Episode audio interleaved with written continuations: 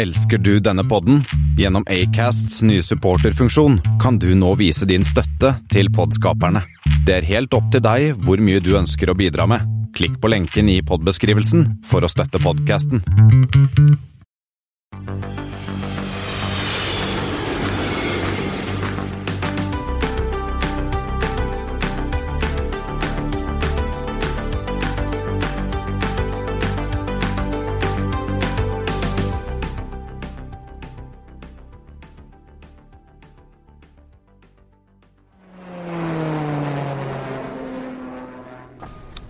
Ja, Espen, nå skal vi på tur igjen. Ladies and gentlemen, Ja.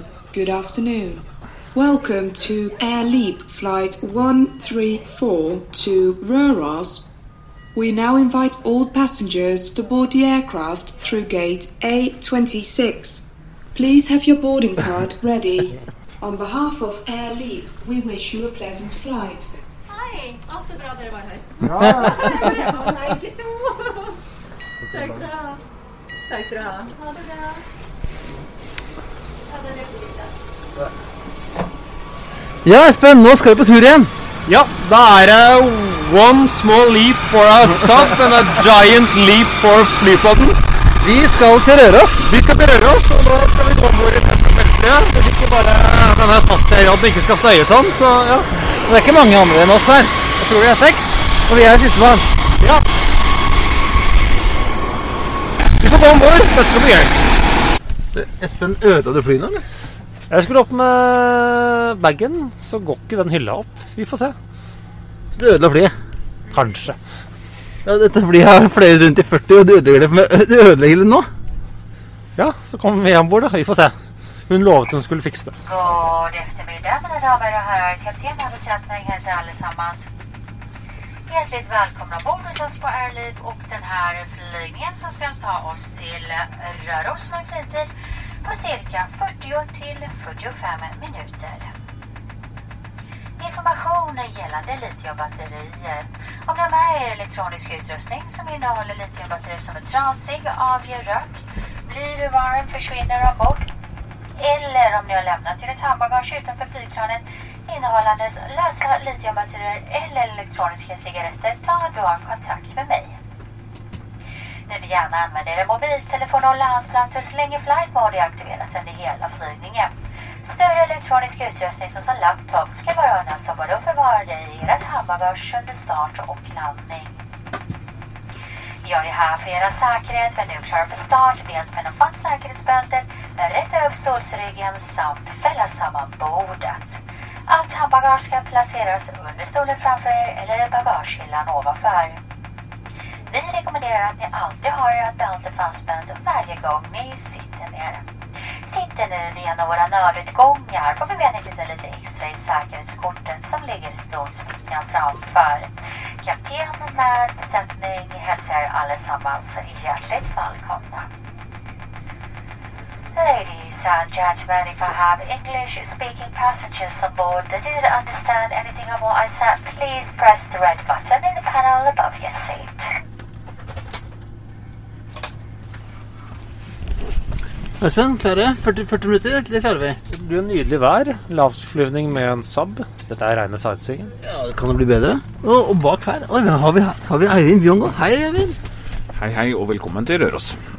Jeg er ikke helt Røros ennå, men jeg føler at vi er, liksom, er på Røros nå allerede. Ja, Idet vi går om bord, så er vi på Røros. Hva skal vi oppleve i dag, Espen? Nei, Eivind? Ja, det er en liten hemmelighet ennå. Ok, Da kommer vi tilbake til det senere, da.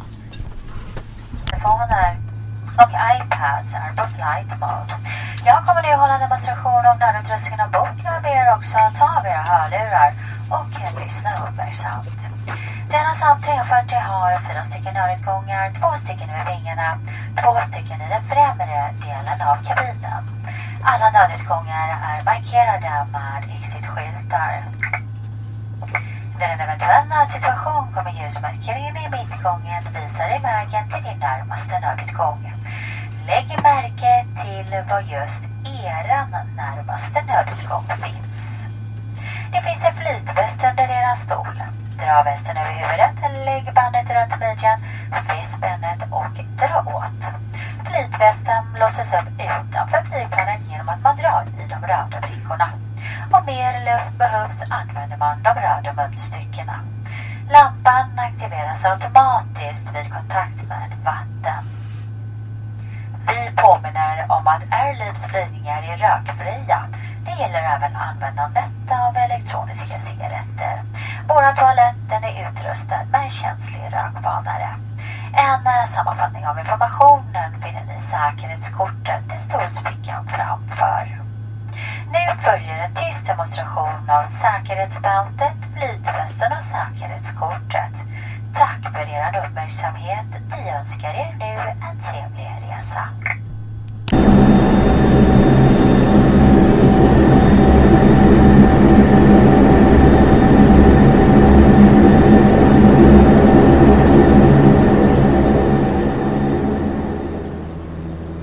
Espen, da er vi på vei til eh, Røros, da. Ja, det er jo nydelig flyvær for eh, lavtflyvende fly. Oppover over skogen her. Hva har du sett? Skog og myr. Det var ikke lang, lange takeoff-runden vi hadde. Nei, vi hadde litt travelt med en Emirates eh, 777 som eh, kom bak oss. Så vi måtte jo fort opp. Og, og du sier at dette, denne har vi fløyet med før, sier du? Ja, fordi Jeg husker ikke hvilken episode det var, men eh, flypodden var jo med Sapp og Leap Air. Vi hadde litt opptaksproblemer for to år siden, så vi har fløyet dette før. Det, ja, det er to år siden vi fløy eh, Elip til Stockholm, og så fløy vi Etiopien hjem, ja. Og det var samme kjerra? Det var visst det. Men nå sto det noen E Skåne eller noe sånt på den, ikke det? Ja, fordi Elip har jo laget litt sånn De har Air Skåne, Air Halland og Halmstad. Air Halmstad. Ja. Det er sånn du flyr jo disse byene eh, fra Sverige til Bromma. Eh, og Air er den siste, vel. Eh, som da driver og flyr. Halland, Gotland, Skåne. Er det Air Skåne Malmö og Air Skåne Engelholm Helsingborg. Men ikke, ikke Røros. Nei, ikke Røros, så kanskje vi får det etter hvert. Og så I tillegg har du jo da Leap som flyr til Stockholm, Åland og ja, Ørland. og Ørland. Så skulle jo gå til Ørlandfly, så vi gikk ut fra denne commuterbrakka på Gardermoen, mens de skulle til Ørlandet, de måtte busses. Nå var det en 40-45 minutter vi skulle fly.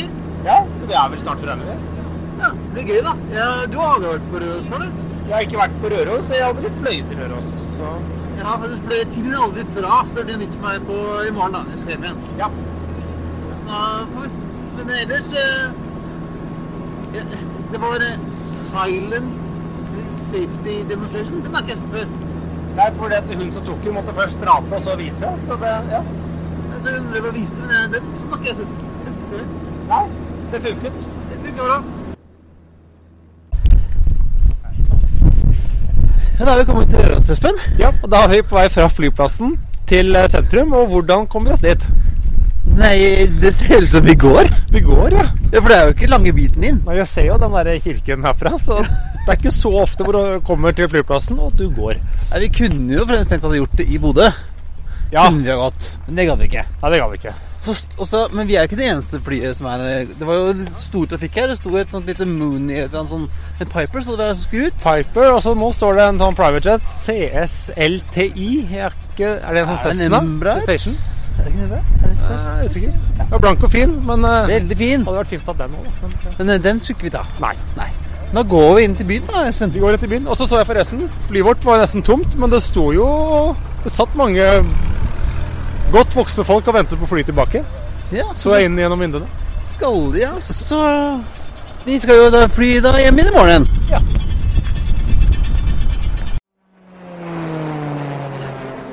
Hei og velkommen om bord på flypodens flight 169, som denne gang spilles inn på Ertseidegården, sa jeg det riktig, Espen? Erskeidergården. Ja. På Røros. Eh, og som alltid hører du meg, Kristian Kamhaug, og Espen S. dette er vel kanskje det fineste studioet vi har vært i, Espen? Ja, definitivt. Både omgivelsene og selve studio. Det er fint her på Røros. Vi har hatt masse god mat, fine opplevelser, og vi kommer tilbake litt mer om Røros eh, både kanskje denne sendingen og kommende. Og kommende. Det gjør nok, helt sikkert. Vi eh, har snart snakket, med disse, disse som jobber med Green Flyway her på Røros. Og vi skal snakke litt mer om utslippsfrie fly, både strøm og hydrogen. Afrika-nyheten er tilbake, og det skjer ting i konkurshjørnet også, Espen. Men først er det noen flighter til deg, Christian. Okay. Med tema. med tema. Jeg er klar okay. til å finne tema for 169.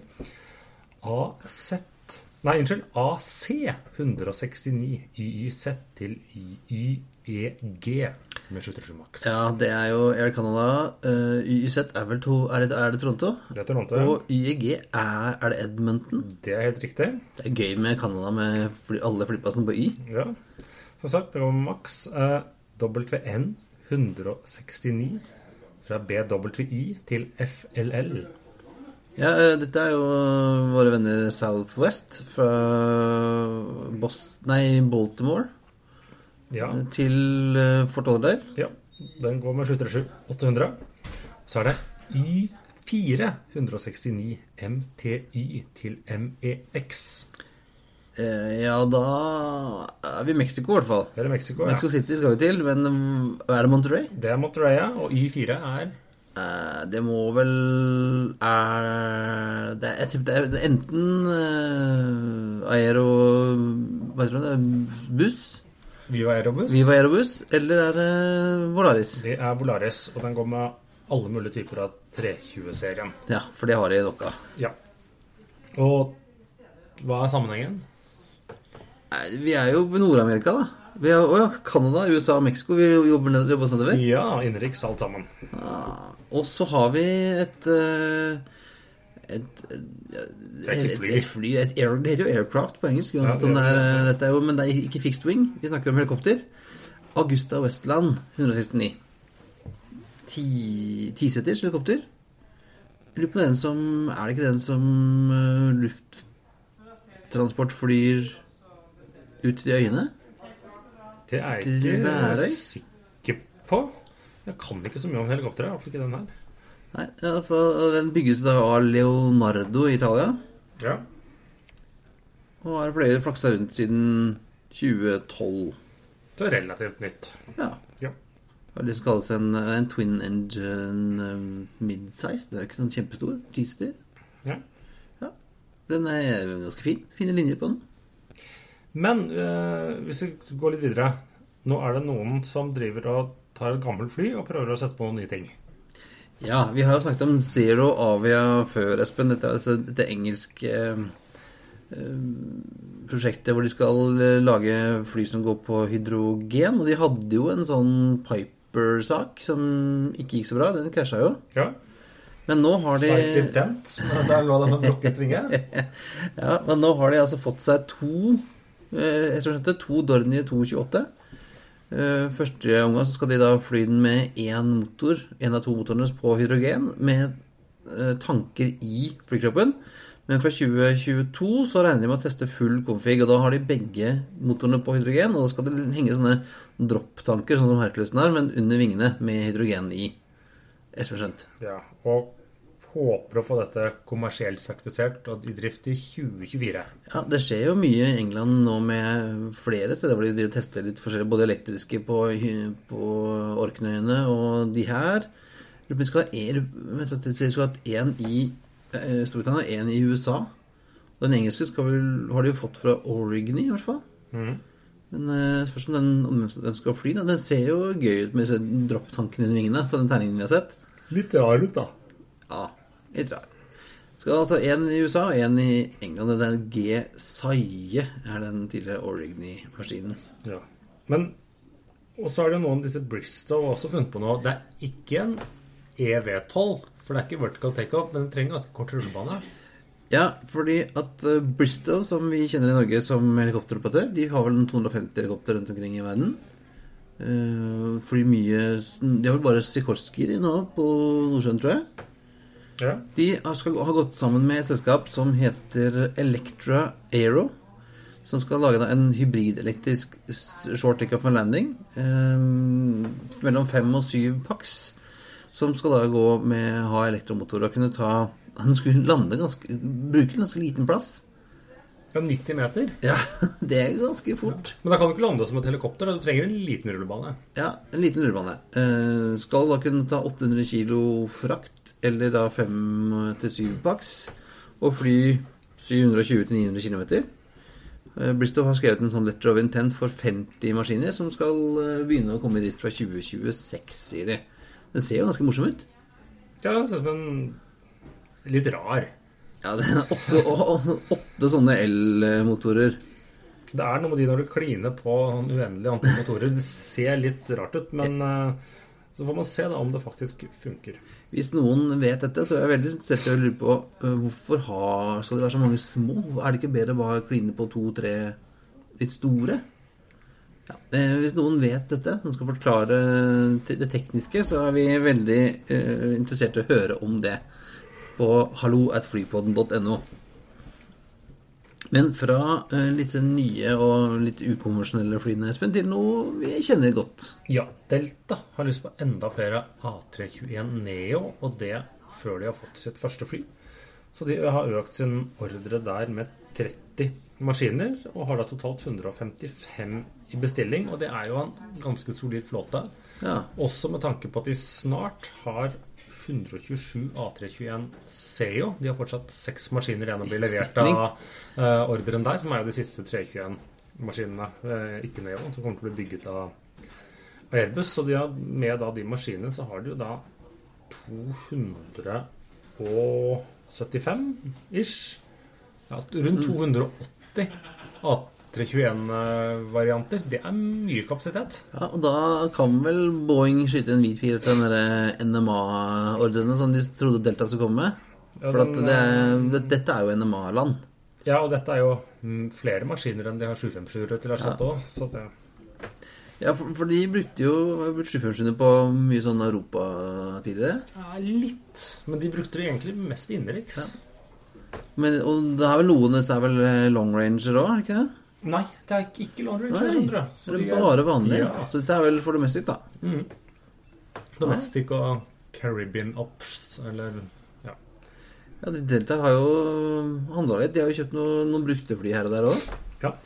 De kjøpte, eller tok nettopp over, jeg tror det var leasing, eh, 737-900 ER fra Lion, ja. ja. Og A350 Til, til, Latam. til Latam, ja. Ja, det er tydeligvis at Delta ikke ikke, ikke syns at det går dårlig. Altså, det, det må være litt eh, fart i trafikken, da. Tydeligvis. Og, og, og på fart i trafikken, Espen, du har sett noen trafikktall, har du ikke det? Jo, Avinor kom jo med sine trafikktall for forrige uke nå i dag. Eh, Så har jeg ikke studert dem nøye, men eh, etter å ha vært litt sånn svakt hellende nå gjennom august, sånn bitte litt ned, så var det faktisk en god oppgang i flytrafikken forrige uke. Eller god og god, men det var i hvert fall en eh, merkbar oppgang. Og det var bl.a.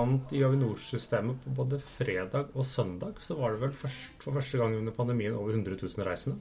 Ja, og vi fløy jo i, i går, søndag. Vi fløy i går, og, og innenrikstrafikken da på Gardermoen det var, Vi var ikke alene på terminalen der. Nei, det var mye folk. Det var, det var godt å ha på seg munnbind der. Ja, For at, ja, men det er jo Dette er da første uken, da. Dette tallet, første uken etter sommerferien, hvor sånn, skolen er Skolen er holdt i to uker, er det ikke? Ja, men, øh, og folk er tilbake i jobb. Mm. Kan se ut som dette, denne businesstrafikken som vi har Etterlyst, ja. etterlyst, er- begynner å komme tilbake. Det er mye trafikk på fredager og søndager. Så det er tydeligvis mange som drar på helgetur eller hjem til familier eller sånt noe. Men uansett positive tendenser. Ja, og det var vel en sånn stor konfirmasjon og dåpshelg, tror jeg jeg skjønte. Ja, det var det kanskje også. Mye sånne, Jeg har sett mange av mine venner fall, som var på konfirmasjon i helgen. Så kanskje det. Ja, men vi krysser fingrene for at dette går, eh, går veien. Og noen som eh, Ja, spørs om det går så mye god, om det går veien i Australia, Aspen, men, men de har eh, Qantas begynner å børste støv av gamle planer. Ja, de har to ting. De har sagt at disse Project Sunrise det er liksom det målet med å kjøpe inn A350-maskiner. 1000 Som skal varianter. fly nonstop Australia, Europa, Europa. og også brukes til USA. Eh, De sier at de har fortsatt planer om dette, men eh, litt avhengig av De vil for det første ikke bestille maskinene før ting har åpnet, eh, men at de ser for seg nå trolig 2024 til 2025 for å komme i drift med dette konseptet. Ja, men da, skal, da må du jo bestille dem snart, da. Muligens at de Har noen liggende? Nei, de har vel en eller annen avtale. Men de skal også ha sagt at slik de ser an nå, selv om Australia har blitt eh, stengt ned igjen, så ser de for seg at de skal ta de fem første A380-maskinene tilbake mot midten av 2022. Så børste støv av de i ørkenen, og ytterligere fem år etter, mens de kommer til å parkere to for godt. Men det betyr at det kommer noen 380-er tilbake i trafikk. Ja, for de har jeg sett flakse rundt her og der. De, Hvis noen har fulgt med på flightradar, så har de blitt hentet ut av Noen av de hentet ut av ørkenen i USA og bl.a. sendt til Dresden for eh, ja, vedlikehold. Litt, men har de ikke parkert masse Har ikke Singapore Airlines parkert masse fly i Australia, Ørken? ørkenen? Jo. Og så har Qantas sendt siden til Arizona? I, ja, eller California. California. Det har vel kanskje litt om hvor de gjør vedlikehold på dem. Ja. Så vet jeg bl.a. de har sendt det til Dresden, for de får jo nye seter og sånne ting. Så jeg har sikkert litt med det å gjøre. Ja, for det må jo etter hvert eh, en del operatører med 380 begynne å gjøre nå. De, de har jo De er jo noen år. ja men eh, eh, Qantas var allerede godt i gang med den. Og Lufthansa har allerede byttet business class på det en gang. Ja, Spennende. Vi får krysse fingrene for at de kommer tilbake igjen, og at ikke alle, alle 380-operatører puttes inn i, på skraphaugen. Og dette er lenge siden også, Espen, men vi har altså Afrikanyheter.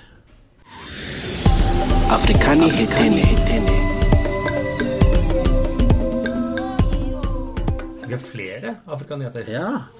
Vi begynner eh, nord i Afrika, og så flytter vi oss nedover. Ja. Eh, Westaf. West AF, eller Westaf. Ja, det er ikke er sikkert man har hørt om dem. Det er vel et eh, Det skal vel hete Er det West Africa? Men jeg tenker liksom West as fuck. Det, ser jeg, men Ja, vi får se. eh, Men de har i hvert fall skal eh, male flyene sine gule eh, og hente fem tidligere Q400. Jeg spekulerer om det kanskje er noen Flyby-maskiner i skal det er vel ikke helt Nei. umulig? Og laget da et selskap i Algerie. De har vel egentlig planer om Gambia også, men de har ikke kommet like langt der. Eh, Algeries første lavprisselskap? Ja, for der har Air Algerie egentlig hatt monopol, slik jeg forstår dem. Nå kommer det inn en, en lavprisaktør der, som skal fly da fra Alger og Oran innenriks, og litt sånn utenriksflighter fra Oran Fra til Oran til eh, Toulouse, Montpellier, Barcelona og Alicante. Ja. Med knallgule. Med knallgule Q400. De, Ja. de så ganske morsomme ut. Eh, ja. Noe dyr på og greier. Ja. Ja, de, de, de morsomme. Fine. Eh, og grunnen til at de flyr til uh, Montpellier og Toulouse, er at det er vel en del eh, franskmenn ja, og algerisk veldig mye fly mellom Frankrike og Algerie. Og noen ferjegreier òg, tror jeg. Jeg tror ikke alt mulig rart. Ja. Uh, så skal de, altså Jeg visste ikke at det fantes så mange byer i Algerie. Jo da, det er flere enn Alger, så Til Janet og Tamanrasset. Men de holder seg unna utenriks fra Alger, så de har liksom kanskje funnet en nisje fra Oran til litt sånne sekundære franske byer og spanske byer. Ja. Så hvis man eh, ikke vil helt til Algerie, så kan man i hvert fall dra til Barcelona da, for å Alicante. Der hender det at noen av lytterne våre er. Hvis vi vil se et knallgult eh, Q400. Det stemmer. Uh, South African Ja, var ikke de døde? Var de døde?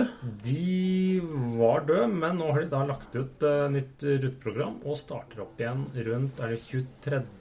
september. Det er det de sier, det er ja. sier nå, at de skal begynne. lagt ut billetter for salg. Eh, De skal tydeligvis da ha en miks av flåte av noen A319 og A320-maskiner samt én A330 300 i starten. For de skal da fly kun tre ganger ukentlig til Accra i Ghana med den 330-en. Det er det den skal gjøre. Og så de andre maskinene skal være tre ganger daglig til Cape Town. Og så er det rundt daglig til er det Luanda, Maputo, Harare og Kinshasa. Kinshasa. Så de holder seg i det sørlige Afrika. Ja, men lite innenriks. Ja, det er, men der har jo har det blitt fylt opp igjen. Ja, men eh, Pluss at det er vel ganske mye begrensninger på hva som er lov å gjøre i Sør-Afrika. har skjønt? ja, ja, men spørsmålet er jo hva med feed? Eller skal de bare satse på at de ikke trenger så mye? Ja, ja. Eller få noe Få noen deals med Med noen andre. Kulula eller um, Lyft. Luft Eller E-link. Eller Elink. Ja. Eller Kev. Ja, det finnes jo selskaper i Sør-Afrika Ja, som, som, som, men det er ikke sikkert som har lavprisselskapene driver så mye med interlining med en fullprisaktør. Nei, eller hva, eller hva, eller hva dette nye, nye, nye gamle South skal være. Hvem vet. Mens vi snakker om lavprisaktører, Espen, så eh, har Vi var jo inne i stad. Volaris, eh, Mexicos største lavprisselskap. Ja, som Ultra low cost carrier gjør det veldig bra. Ja. Um, Det er masse nedover i bestillingen. Ja. Uh, hva sa? Innenriks, innenriks eh, etterspørsel var opp 23 og internasjonal var opp 10% Og hadde kabinfaktor i juli på 89,5% Det er ganske bra. Ja, for de er vel nå større enn de var før korona, de, Ja. slik jeg har forstått det. De har vokst rimelig godt. Og nå skal de ut videre, videre i Sentral-Amerika ved å starte et, eh, et eget selskap i um, El Salvador. Mm. Så de har nå fått, eller skal få, eh, AOC, og skal starte i løpet av september. Ja, de har fått, fått tillatelse fra Civil Aviation Authority i El Salvador. Og skal både da fly eh, rutetrafikk og chartertrafikk, visstnok. Eh, Ja. Fra eh, San Salvador, da, tipper jeg. Men så må vi også en liten tur innom Another one bites the dust. Konkursgjørende. Ja, det skjer Hva skjer der, Espen? Air Seychelles, eller Air Seychellene, eller hvordan det egentlig skal uttales, de er rett og slett begjært likvidert av kreditorene. Det, det, det er hardt. Ja, men de flyr jo fortsatt fordi eierne deres, de nye eierne deres med myndighetene i Seychellene, de er ikke helt enig i det. Det som har skjedd, er at de har et obligasjonslån, eller det var, et obligasjonslån med noe som heter EA Partners. Det er Etiet Airline det egentlig står for. Og, eller Airways. Eh, Og det som skjedde, var at de satte jo opp dette selskapet og hentet inn penger for å ikke bare spytte inn eh, egne sjeikemidler. Eh, For å finansiere da det oppkjøpet av Air Seychellene, Air Serbia, Air Berlin og Al Italia. Ja, Det var da hvor Etihad eh, ikke kom inn noen, uh, Allianse. og tenkte vi kjøper vår egen. Ja.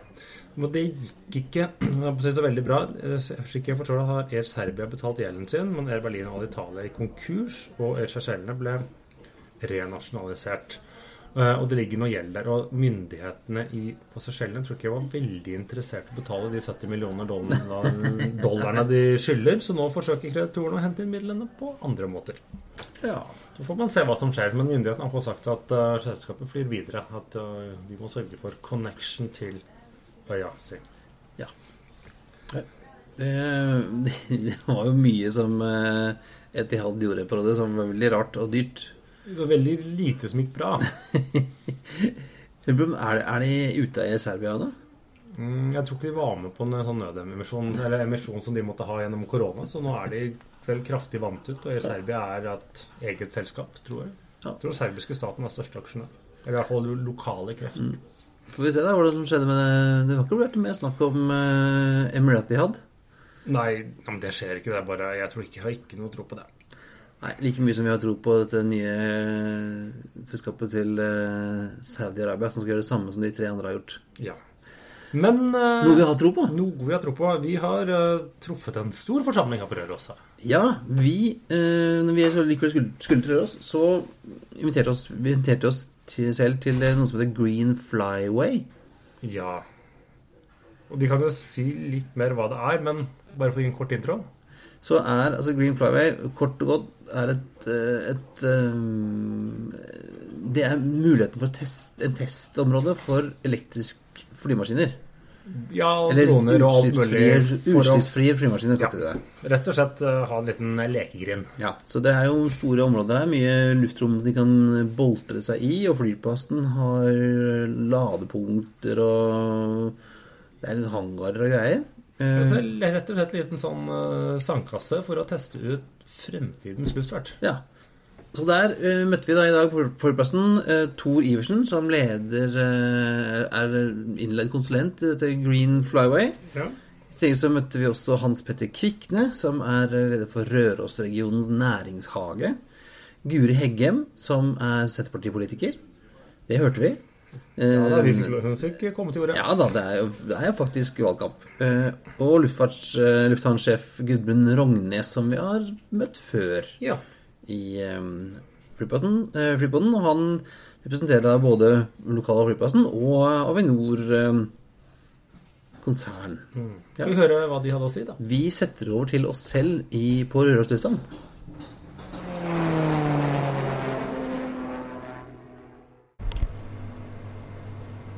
Ja, Espen, da har vi, kommet, da har vi gått en tur, eh, en tur i byen igjen og kommet til flyplass. Ja.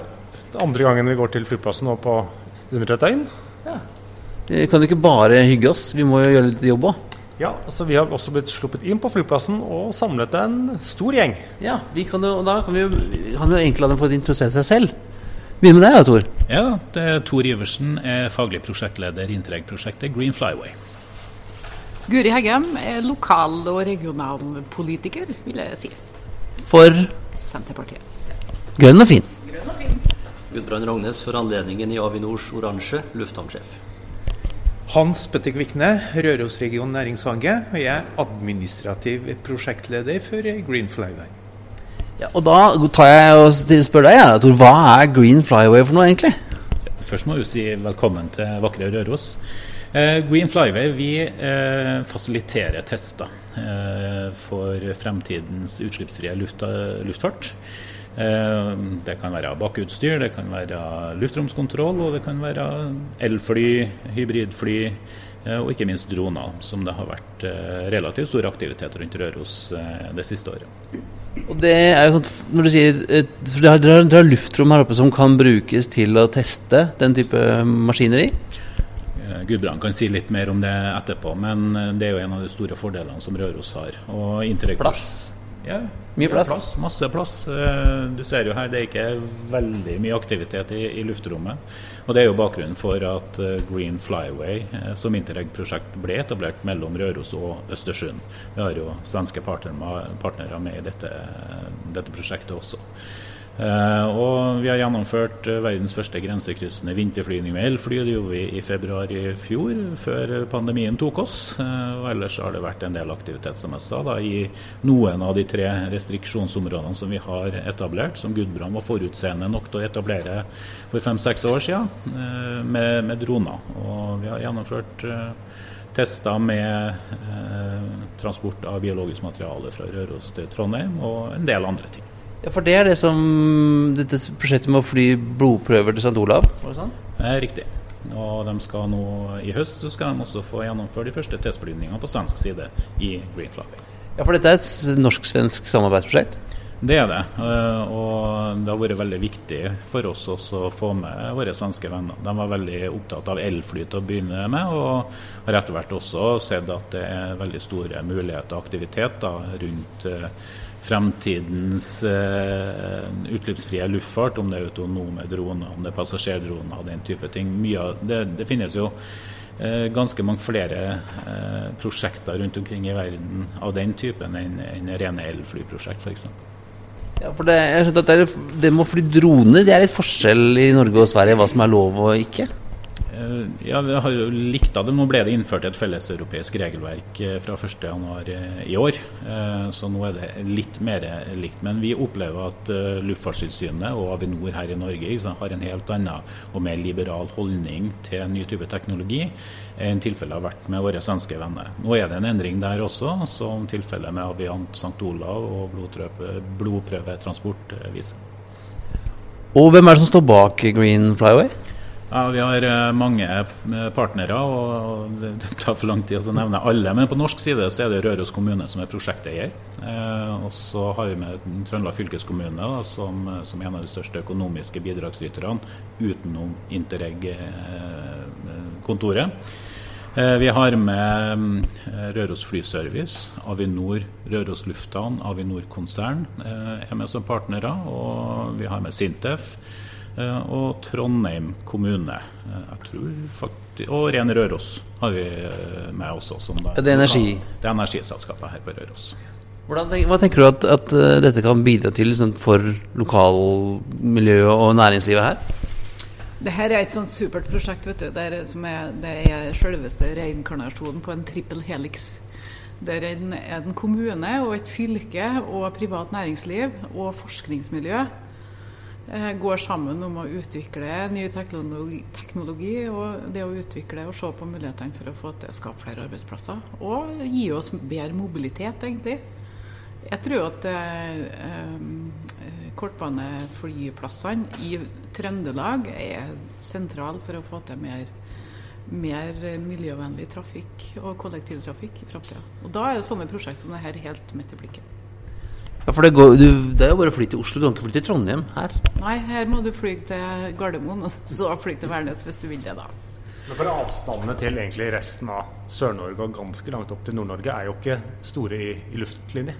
Nei, og Røros er jo i mitt hode veldig sentralt plassert i Norge, vil jeg si. Eh, vi bruker jo like lang tid til å kjøre til Hamar som å kjøre til Steinkjer.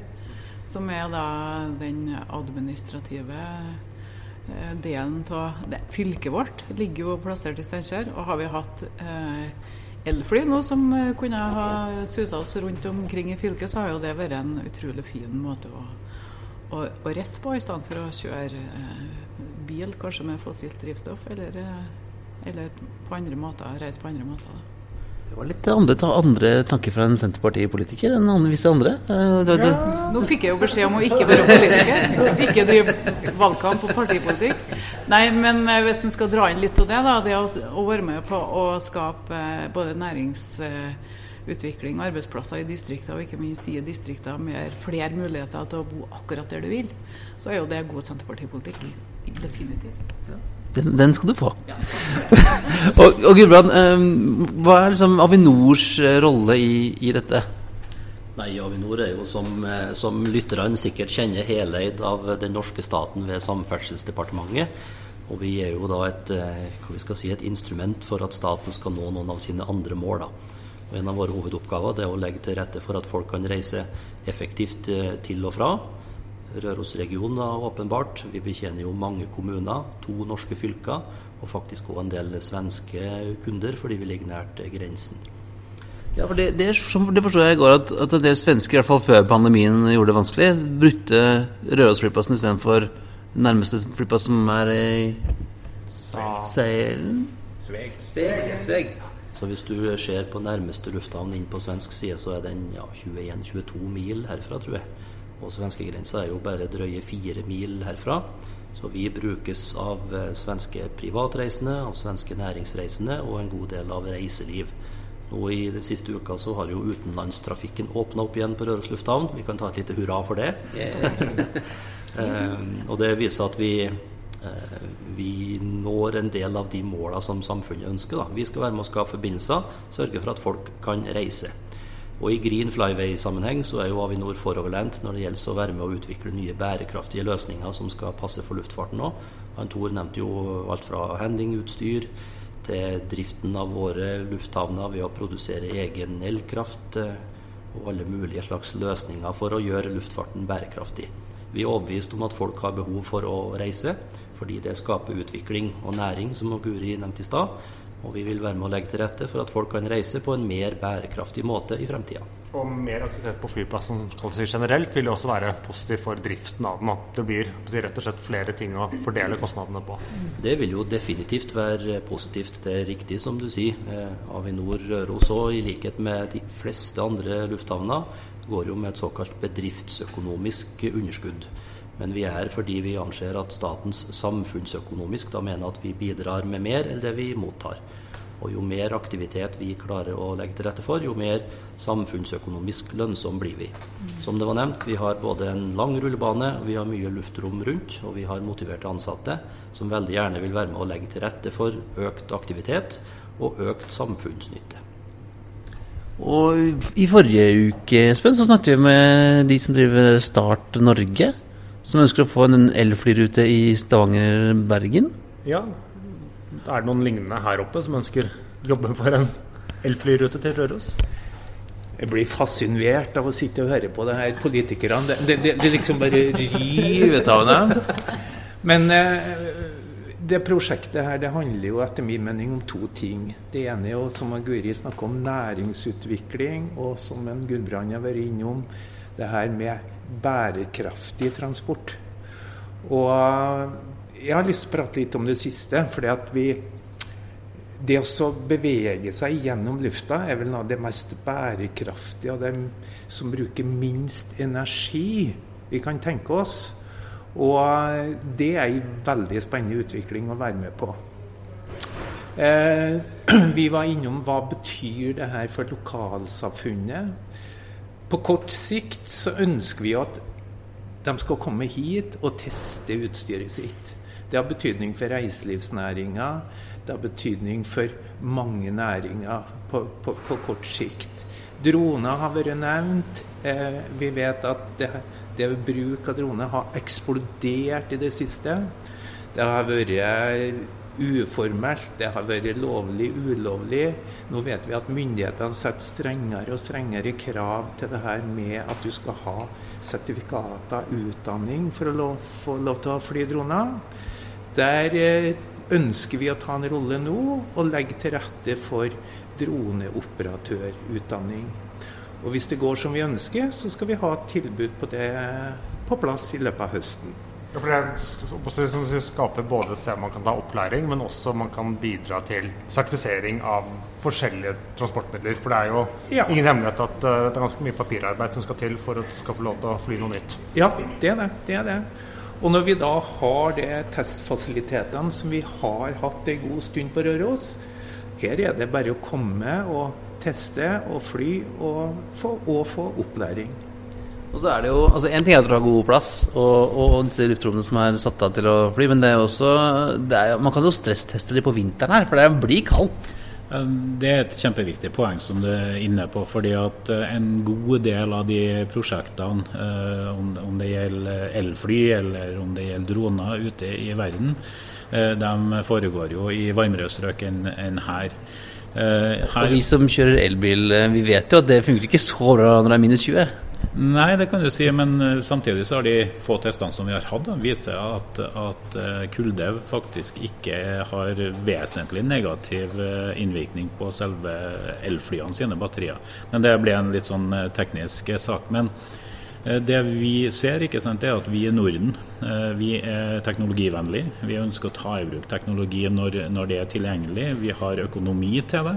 Eh, og, og vi har en oppvoksende generasjon som er vant eh, sant, til å ta i bruk ny type teknologi. Eh, og om den teknologien skal bli fullautonom på sikt, og må den også kunne fungere på vinteren. og Da finnes det ikke noe bedre plasser enn Skandinavia å teste dette her i. Vi på, på Røros og vi i Green Flyway vi har ikke alle fasiliteter, men det vi har, det er kjempeviktig, og det er plass.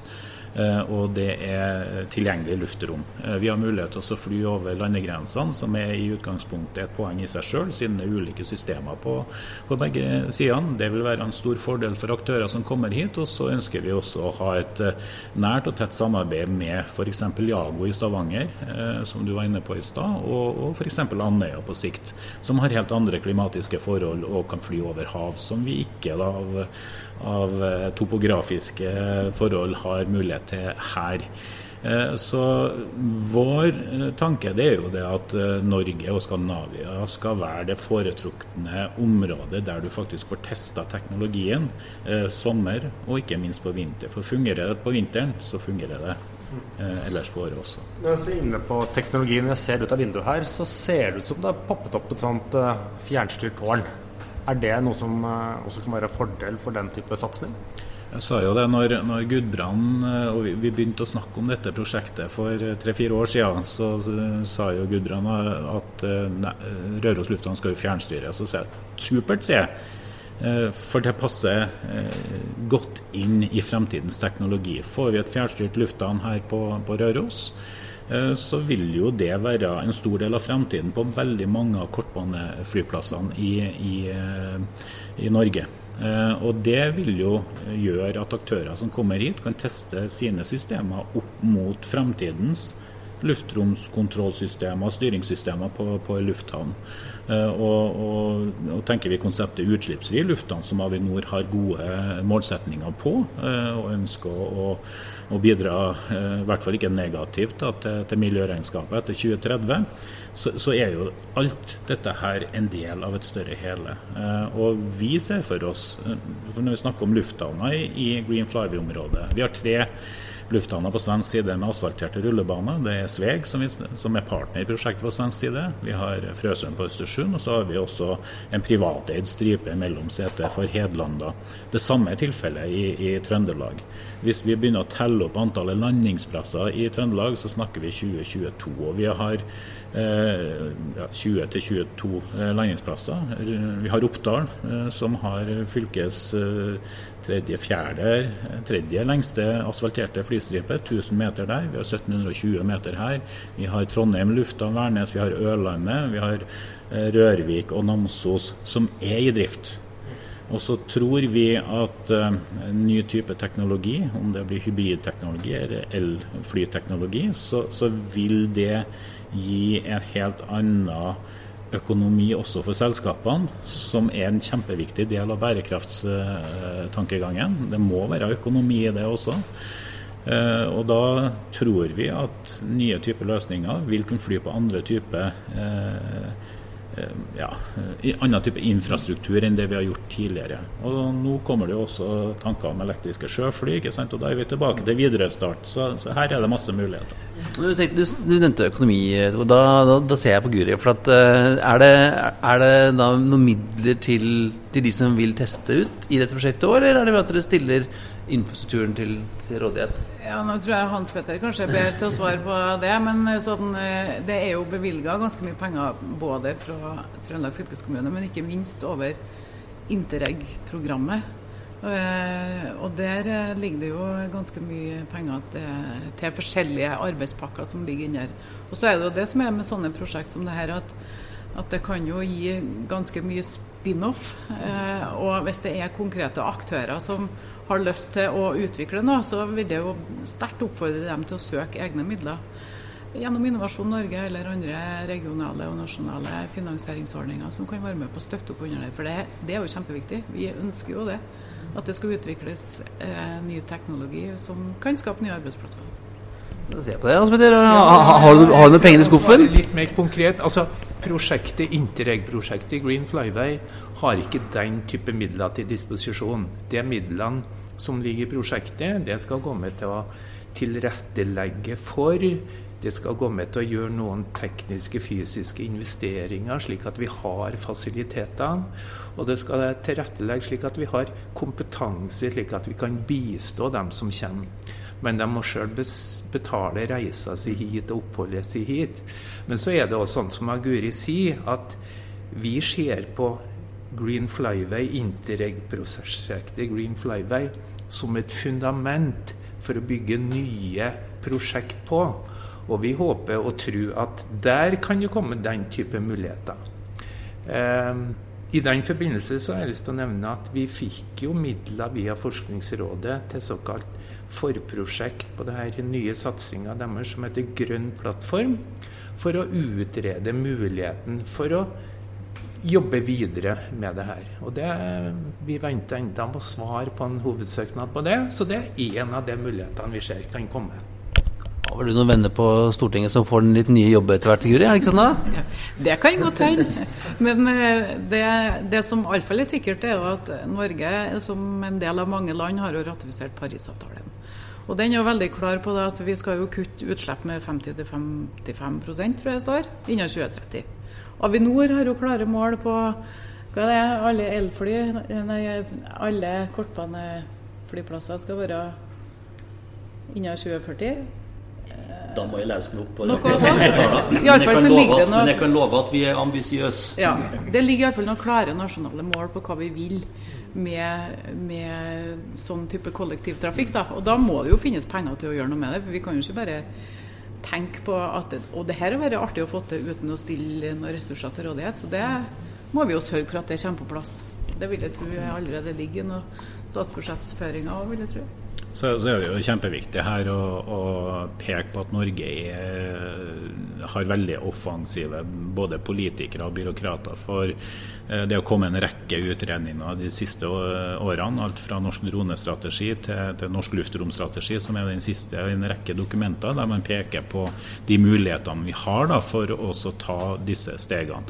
Det foreligger samarbeidsavtaler mellom Norge og EU om at Norge skal være et foregangsland for både testing og utvikling av eh, elfly, eller nullutslippsfly som man har endra det til etter hvert. Eh, og dette prosjektet føyer seg inn i det, som Kristian Øgarden i, i, i, Avinor, som da styrer droneaktiviteten i, i Avinor nå, sier at Green Flyway kanskje er litt for tidlig ut. Eh, men vi tror at det har vært viktig å være tidlig ut, rett og slett for å kunne legge, legge forholdene til, til rette for, eh, for, for, denne type mm. aktivitet i Norge, som da støttes politisk og, og også administrativt, f.eks. av Samferdselsdepartementet. Og Det som er så fint med eh, det her prosjektet og Trøndelag, det er jo det som en, eh, Tor nettopp nevnte, det at det er så mange aktive kortbaneflyplasser som, eller aktive, som er i drift. Og som har asfalt og som har landingsstriper, og som, lett kan, eh, som samtidig er innenfor en overkommelig avstand. Som gjør at her har vi mange muligheter til å få prøvd ut i forskjellige retninger. Men òg samtidig som at vi har de partnerne som vi har på svensk side. For Det å handle noe om mobilitet i forhold til reiseliv og trygghet og beredskap. Røros kommune har jo en, en eh, avtale med, og Trøndelag fylkeskommune har jo avtale med region Jämtland Herjedalen om helsetjenester for innbyggere i Vestre Herjedalen f.eks. De kan jo benytte seg av helsetjenester i Røros kommune, eh, og i samarbeid med St. Olavs hospital. Eh, og det er noe som er en mulighet som jeg tror at vi vil se mer av framover. At vi får større mobilitet over grensa. Og det er jo noe som er kjernen i Interreg, da, egentlig, at vi skal få til det.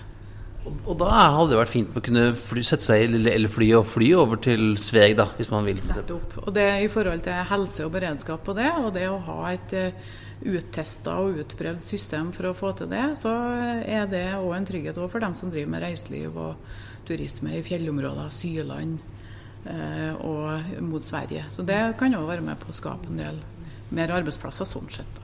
Du må bli ferdig med den dumme pandemien først, da? Ja, det må vi bli ferdig med, men det er vi snart ferdig med nå. Vi må ha trua på at vi er på vei ut av den tunnelen nå, tror jeg. Eh, men Gudbjørn, hvordan går det egentlig med flyplassen? Vi snakket jo med deg i fjor, og da var det sånn, litt sånn forsiktig optimisme. Hvordan har, det, hvordan har det gått? Ja, vi gjorde nok rett når vi var forsiktige optimister i fjor, tror jeg. Bestandig hyggelig å være optimist, da. Jo, det har gått litt opp og ned, for å si det mildt. I perioder av året så har vi faktisk vært den Avinor-lufthavna med minst trafikk av alle sammen. Men i juli så rykka vi opp fra bunnplasseringa, og det er vi jo veldig glad for. Så nå går det faktisk eh, merkbart bedre. I dag tidlig, altså mandag morgen, avgang til Oslo, det er jo den viktigste avgangen av alle på ei eh, uke. Da var det vel 24 passasjerer av de 33 setene. Og det er jo ganske så bra, da, må vi si. Så nå ser vi lyspunkter. Vi ser at eh, Elip som er operatør har klart å levere en bedre regularitet enn eh, tidligere. At folk i større grad kan stole på dem. Og når vi nå ikke minst har fått nattparkert fly alle ukedager, Dvs. Si at flyet står på Røros om natta. Da er det mye enklere å ta av når vi har tåke, sånn som vi hadde i dag tidlig. Da får vi god regularitet. Dvs. Si, vi blir enda litt mer å stole på. Og det er vi glad for. Men Foreløpig så er det Elip i Oslo. Det har ikke vært så mye annet, og naturligvis ikke noe veldig lite direkte fra utlandet. Ja, du har helt rett i det. Rutetrafikken på Røros i år så har det vært E-Lip til, ja. til og fra Oslo. Da tenker jeg altså litt charter. Det er, jo, det er jo den ruta som Samferdselsdepartementet kjøper inn. Mm. Men som jeg nevnte i stad, i august her nå, 20. august har jeg bursdag. Da dukka det første utenlandsflyet opp siden pandemien slo inn over oss. Det var en Fokker 50 med 40 glade svenske damer som skulle ut og reise. Det var den beste bursdagspresangen jeg kunne fått. Med hånda på hjertet. At utenlandstrafikken har starta opp igjen, det er helt topp. Så vi har hatt et par sånne. Nå i helga så har vi hatt en tre-fire anløp av sånne type business jet. Det kommer vel et par sånne på onsdag og fredag nå. Så nå har vi blitt litt sånn internasjonale. Blackpool og Bratislava og Stockholm. Og, så nå går det rett vei. Det begynner å løsne litt i flybransjen. Det er søkka positivt for alle de arbeidsplassene det medfører. Og det er bra for motivasjonen til alle sammen som jobber på lufthavna hos oss. Og i luftfartssystemet generelt. da. Ja, vi, er, vi, liker å være til nytte for folk. Ja, for det er jo også et potensielt marked, man skal kalle det lavvolum charter. Ja da, det er et potensielt uh, marked. i Julemarkedet på Røros er jo en av de store happeningene her i lokalsamfunnet. Nå er jo det klokelig, syns jeg, da, utvida til hele tolv dager. Så vi har hatt forespørsler fra Stavanger om en aktør som ønsker å fly inn til julemarkedet med direkte fly fra Stavanger. Og så har vi som sagt de her nevnte businessjetene. Og Elip, som er flyselskapet, har jo et fly som står noen timer uvirksom midt på dagen. De har også sagt at de er interessert i å bidra hvis det finnes kunder som er villig til å betale for det. da. Og jo mer vi får skjøvet vekk den stygge pandemien, jo mer håper vi at det dukker opp sånne muligheter. Eh, 1750 meter, hvor stort fly kan du få ned og, og opp igjen? Eh, De største ruteflyene, eller passasjerflyene vi har hatt for dem som er litt sånn flynerder, det er jo da Airbus 319 og Boeing 737-700. Og så tar vi jo militæret, så tar vi den her norske Herkulesen, da fire motors. Så sånn opp til 150 passasjerer. Det er kanskje ikke optimalt under alle værforhold, men eh, hvis noen er interessert, så ta en prat, så skal vi nok finne noen løsninger på det. da. Kommer alltids ned. Ja da. Ja. Og noen fun facts må vi jo ta med, i og med at det her er for flyinteresserte. Hvis du har lyst til å tikke av på bucketlista landing eller avgang på Norges høyestliggende lufthavn med rutetrafikk, så må du ta en tur til Røros, Avinor på Røros med Elip. Og vi er vel òg den kaldeste lufthavna, så vidt jeg vet, i Norge, med målt minimumstemperatur på mer eller minus 50. Og hvis du òg vil tikke av noe enda nyere, så ser vi ut av vinduet på andre sida. Så har vi Norges høyeste kameramast for fjernbetjent lufttrafikktjeneste. Nesten 30 meter høy. Så der har du liksom mange ting å reise til Røros for. da. Litt smal eh, interesse, kanskje. Norges høyeste hva du sa? Norges høyeste Norges høyeste fjernbetjeningsmast for lufttrafikktjeneste. Men vi er, jo, vi er jo tross alt verdens største flypodkast på norsk. Det er vi. Veldig bra. Det er et veldig godt poeng. Så hva, hva, er det som, hva jobber dere med nå framover, Tor? Eh, Vi håper jo, som Gudbrand og og flere andre har vært i- inne på, at pandemien kan, eh, kan ta en slutt. Fordi at eh, i og med at vi ikke har kunnet jobbe veldig mye over grensen det siste halvannet året, eh, så har jo vårt fokus vært eh, å bidra inn i, eh, i f.eks. europeiske søknadsprosesser og prosjekter. Og Der ser vi at det er veldig mange aktører som, eh, som ønsker å komme hit. og Der eh, Green Flyway, Røros lufthavn, Røros kommune eh, og Trøndelag kan fasilitere disse testene. Eh, og Det er et arbeid som fortsetter. Vi har mange som ønsker å komme hit, men eh, som foreløpig da er hindra pga. Ja, karantenekrav, innreise og den type ting. Så Målsettinga vår nå er å få skapt eh, økt aktivitet og få de aktørene, bl.a. fra engelske, belgiske, italienske og spanske akademier, eh, som ønsker å komme hit da, for å teste sin eh, teknologi. For de har også sett at skal det bli en suksess, så må det fungere i vinterforhold. Du hadde en sjekker her, var det sånn? Vi hadde tsjekkisk selskap som var her i fjor, som da fløy den første vinterflyvninga over, over landegrensa med, med elfly. Eh, Pureflight med maskiner Phoenix. Eh, og så har jo også svenskene eh, nå fått på plass noen eh, Pipistrel, og, og vi håper jo selvfølgelig også at det skal bli enda flere elfly. Og f.eks. at eh, flyskolene i, i Norge tar i bruk dette her, og da ønsker vi på Røros å være i eh, i, eh, tidlig ut og tilby ladefasiliteter og den type ting. Og Det er jo en sånn type infrastruktur som, som prosjektet kan investere i når det blir behov for det. Så Hans Petter, hvis, hvis jeg da har et et elflyprosjekt liggende, eh, og jeg vil teste det, hva, hva gjør jeg da? Da ringer du Røros Green Flyway. Kan jeg få lov til å komme og teste? Da sier vi ja. Og så skal vi legge til rette for det. Så da skal du få komme hit, skal du få lade flyet ditt. Har du behov for å sette inn i hangar, så har vi hangarplass. Og vi hjelper deg med det du trenger for å ha et fint opphold her. Um, en av partnerne våre, Ren Røros, uh, energiselskapet, og et av de mest innovative selskapene på Røros, jobber jo med utvikling av å produsere strøm. Vi bruker sol, vind osv. osv. De ønsker òg å få testa det her utstyret sitt opp imot flyplassen, slik at vi kan produsere strøm via sol, vind, lagre det og i neste omgang tappe det inn på et elfly. Så det ligger ikke veldig langt fram i tid. Jeg så en flyplass i Nederland hvor de hadde testa med å legge ut eh, solcellepaneler, for det er, det er mye plass. Det er mye, det er mye plass. Eh, nå er det noen restriksjoner knytta til solceller og blending og sånn sikkerhet knytta til det, men det ligger veldig til rette for å eh, etablere den type eh, anlegg òg her på Røros. Og, og den kraften som lages her, den er ren vannkraft, eller hvor den kommer fra? Per i dag så er det ren vannkraft. Vi har lokale kraftverk i, i nærheten her som produserer strømmen. Så er det ren energi. Som du kan få på, på tanken? Som du kan få på tanken, ja. For det er jo vi, vi som drar og kjører rundt litt for tida, det er det mange som gjør, da. Men eh, hvis du drar langs kysten, det går jo eh, jeg tror det er 70 elferjer som eh, trafikkerer Norge, og som er i drift i Norge i dag. Eh, og det har de jo snakke om en del på kysten. Når de klapper til kai, så skal det til masse strøm på kort tid. Når de, eh, så står de jo på sånn nattlading, da. Men det er jo en sånn utfordring da, som, eh, som det her prosjektet òg kan kanalisere noen steder. At vi må bygge ut strømnettet. Det å få til nok kapasitet når vi har kapasitet. Eh, Når behovet er der, da. Når kapasitetsbehovet er der. Og det er en, en utfordring som bl.a. Ren Røros vil være med å se på inni dette prosjektet her. Men det er jo mange som, som må ta en runde på det, tror jeg. Rundt omkring. Sette opp et par vindmøller her, skal lage deres egen? Nå er vi så langt inne i landet at det er forholdsvis lite vind på Røros. Kjentes ikke sånn ut når jeg gikk hit, gikk hit i dag morges. Syns jeg det var litt fint. Men eh, det er nesten stillongs hele året her, vet du, så du har bomma litt på det. Men det er heller mer sol. Vi har jo mye fint vær. Så jeg har tro på at sol kan være en eh, fin eh, sak. Men det må være trygt og sikkert, sånn at piloten ikke blir blenda til panelet når han lander.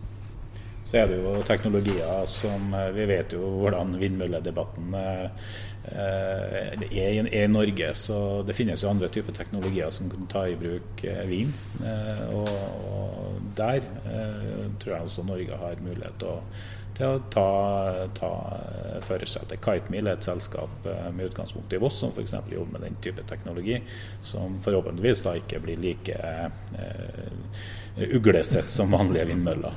Så, så det er mye spennende som foregår du kan bruke luftrommet til. Veldig, veldig bra. Jeg tror dette er veldig gøy, Espen. Spennende å høre om. Ja, det er veldig fint, og at vi endelig fikk kommet oss til Røros. Ja, Noen hadde, noen hadde lovt oss det for lenge siden. Ja, vi skulle hit i Ja. var det november, men ja. så var vi stuck på hvert vårt hjemmekontor. Så. Så pleier vi alltid å spørre gjestene våre om eh, disse tre spørsmålene. Men skal vi liksom fordele litt? Ja, gi Ja. et, et hver, eller? Ja, Vi begynner med deg, eh, Tor. Vi pleier å spørre hva er din favorittflyplass? Eh, og det er ikke lov å si Røros, selv om du sitter her sammen med, sammen med Avinor. Da må jeg si Terminal 5 på Heathrow. Jeg. Der trives jeg veldig godt. Det er lenge siden du har vært der. Ja, dessverre. Det er to år siden nå i november siden jeg var der sist. Så vi krysser fingrene og håper for at vi kan komme oss over dit igjen en tur. Eh, Og spør deg, Guri. Eh, dette, dette, dette burde være enkelt selv for en politiker å svare på. Eh, vindu eller midtgang?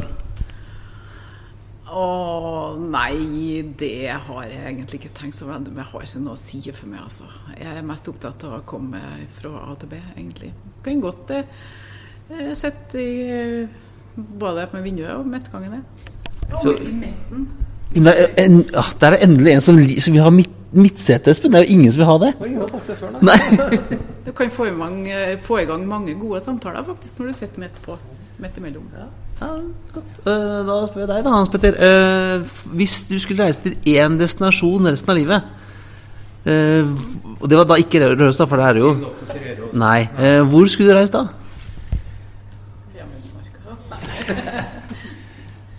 Du, da har jeg ville funnet meg en gresk øy. Jeg har det, altså.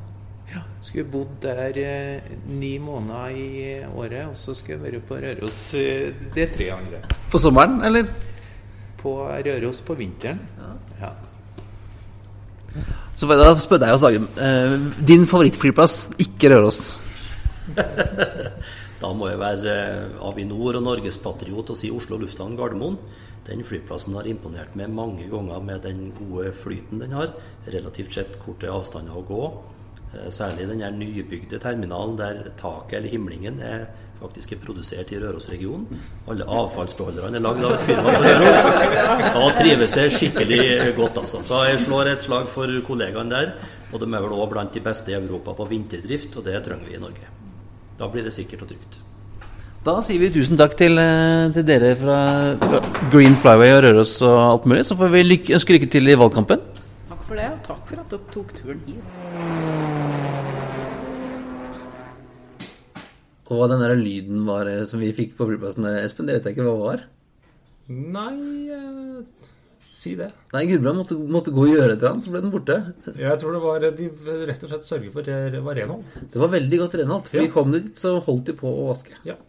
Eh, Det er jo en morsom, en søt liten flyplass. Ja, det er en øh, si, Rett og pent. Det er én gate, så du kan ikke gå feil. og én security line og et bagasjebånd. Jeg hørte også at de, når de hadde øh, Det er en liten sånn morsom greie. Når de har en del charter inn her, eh, så kan de jo kjøre bagasjen rett ut fra flyet og rett i bussen. Ja.